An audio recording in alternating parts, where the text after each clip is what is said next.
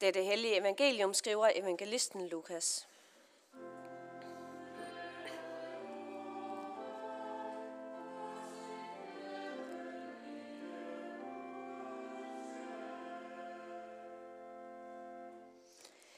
En gang, da Jesus stod ved Genesarets sø, og folkeskaren trængtes om ham for at høre Guds ord, fik han øje på to både, der lå ved søen. Fiskerne var gået fra dem og var ved at skylle garnene. Så gik han op i en af bådene, den der tilhørte Simon, og bad ham lægge fra land. Så satte han sig og underviste skarne fra båden. Da han holdt op med at tale, sagde han til Simon, Læg ud på dybet og kast din, jeres garn ud til fangst. Men Simon svarede, Mester, vi har slidt hele natten og ingenting fået. Men på dit ord vil jeg kaste garnene ud. Det gjorde de, og de fangede en stor mængde fisk, så deres garn var ved at sprænges. De gjorde tegn til deres kammerater i en anden båd, at de skulle komme dem til hjælp, og de kom og fyldte begge både, så de var lige ved at synke. Da Simon Peter så det, faldt han ned for Jesu knæ og sagde, Gå bort fra mig, herre, for jeg er en syndig mand. For han og alle de, som var med ham, var grebet af redsel på grund af den fangst, de havde fået. Lige så Jakob og Johannes, Zebedeus sønner, som fiskede sammen med Simon.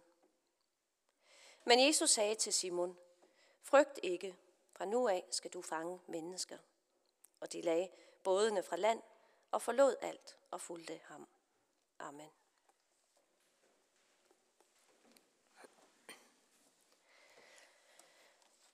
Hos evangelisten Lukas hører vi her til formiddag om kaldelsen af de første tre disciple. Vi får en ret så detaljeret beskrivelse her i Lukas evangeliet om det, der skete ved bredden ved Genesarets sø, hvor Jesus stod og prædikede for folkeskaren. For at kunne nå ud til alle, jamen så gik han hen til den lokale fisker Simon, eller bedre kendt som Simon Peter, og bad om hjælp. Simon Peter havde trukket sin båd op på land, men han adlød Jesu ordre alligevel om at lægge ud, så Jesus kunne nå alle mennesker, prædike fra båden. På det her tidspunkt, der har Jesus allerede været en ret anerkendt prædikant i området. Han havde netop været i Kapernaum, hvor han havde prædiket i synagogen, han havde uddrevet en ond ånd og forkyndt Guds rige i de omkringliggende byer. Jesus var derfor ikke ukendt af de her fiskere ved søbredden. Og efter at han havde prædiket for folkeskaren, så bad han Peter om at sejle ud på dybere vande og kaste nettene ud. Simon Peter indvendte, som vi hører, at de havde fisket hele natten uden held, men ja, og så var der nok heller ingen grund til det at sejle ud. Men han valgte så at gøre det alligevel, sejle ud, kaste nettene og fangede en så stor mængde fisk, at han måtte have hjælp fra sine kammerater, de to brødre, Jakob og Johannes, for at få fangsten i land. Begge både, som vi hører, blev fyldt til randen og var ved at synke. Og overvældet af dette mirakel, så falder Simon Peter på knæ for Jesus, og både Jakob og Johannes blev også grebet af redsel. Og så er vi faktisk nået til det berømte øjeblik i fortællingen, hvor Jesus siger til dem, frygt ikke, fra nu af skal I fange mennesker. Og så læser vi afslutningsvis om, at det gik de med til, at de lagde bådene til land, forlod alt og fulgte med Jesus.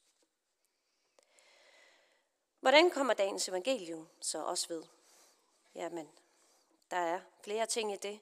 For det første, jamen, så viser Jesu guddommelige magt sig i dette mirakel. Og for det andet, jamen, så peger det på vores og kirkens helt særlige opgave i verden. Det vi er sat i verden til. Denne fortælling, jamen, den indeholder essensen af hele kirkens væsen, nemlig at vi som kirke og menighed skal gå ud i verden og fange mennesker for Gud. Indtil det her tidspunkt, denne passage i Lukas evangeliet, jamen så havde Jesus arbejdet helt alene. Han havde godt nok en følgeskare mennesker, der fulgte ham, der fulgte hans undervisning, men det var først nu, at Jesus han faktisk udpeger tre af de første 12 disciple der skal udgøre hans helt inderste kreds. Disse disciple skal følge ham til korset på Golgata, være hans vidner om opstandelsen og forkynde evangeliet. Vi ved ikke helt præcis, hvorfor at Jesus han vælger netop de her tre, for der er jo også mange andre, der har fulgt og lyttet til ham. Men allerede da Jesus stod ved bredden og ja, ved Genesarets sø og besluttede at prædike fra en båd, så viste Simon Peter en villighed til at stille sin båd netop til rådighed. Næsten som om, at han anede, at der var noget helt specielt med Jesus. Da Jesus så senere bad ham sejle ud på det dybe vand og kaste nettene ud, jamen der adlød Peter igen, selvom han tvivlede på grund af den resultatløse nat. De fleste vil nok ikke have gjort som Peter, men heller sagt, sagt nej. Jeg har allerede arbejdet hårdt, jeg gider ikke sejle ud igen, det er til ingen verdens nytte. Men noget fik alligevel Simon Peter til at handle, og da fiskerne så den enorme fangst, jamen så blev de grebet af redsel.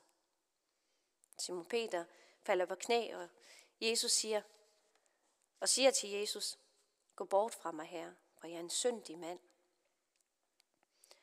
Og det er netop her, jeg synes, vi skal stoppe op. Stoppe op ved netop denne redsel, som Simon Peter bliver grebet af, som hans andre to brødre også bliver grebet af. For ordet redsel er normalt forbundet med noget negativt, men ordet kan og her skal have andre og flere betydninger. I dette tilfælde kan det også betyde ærefrygt eller det kan sammenlignes med den frygt, som hyrderne faktisk oplevede i begyndelsen af Lukas evangeliet, da Herrens engel viste sig for den. Det er en ærefrygt eller frygt, der opstår, når man pludselig står ansigt til ansigt med noget meget voldsomt. Guds kraft. Det kan sammenlignes med den følelse, man kan få ved at stå ved stranden og se ud over havet, se solen gå ned eller rejse sig over horisonten, eller ved at stå ved et højt vandfald og kigge op eller kigge ned. Man bliver grebet af ærefrygt over naturens kræfter og kan føle sig helt overvældet af sin egen afmagt i forhold til dens kræfter. Det er en ærefrygt, der udspringer af den helt totale overraskelse og storhed ved, at man oplever det, man oplever, og ikke en reel følelse af frygt eller bangelse, men en ærefrygt. Samtidig så oplever Peter Guds kærlighed. Han og Jakob og Johannes, sammen med alle fiskerne, havde et arbejde, der ikke blev betragtet som noget helt særligt. I hvert fald ikke på den tid, på jødernes tid. Fordi som fiskere, så kom de jo i kontakt med forskellige havdyr. Ikke kun fisk, men også urene skalddyr, ifølge jødedommen, såsom krabber og muslinger og andet, der sugede sig fast til stenene. Og ifølge den her jødiske tro, jamen så smittede kontakt med alt urent også af på de troende. Derfor er det også her bemærkelsesværdigt, at Jesus, på trods af, at Simon Peters stilling i samfundet og hans medarbejdere, at hans arbejde er at håndtere de her urene dyr, jamen så går han alligevel ombord på hans båd og giver ham den mest fantastiske fangst i hans liv. Det viser os, at Jesus er en nådig og guddommelig karakter. Og det var mere end Simon Peter her kunne håndtere.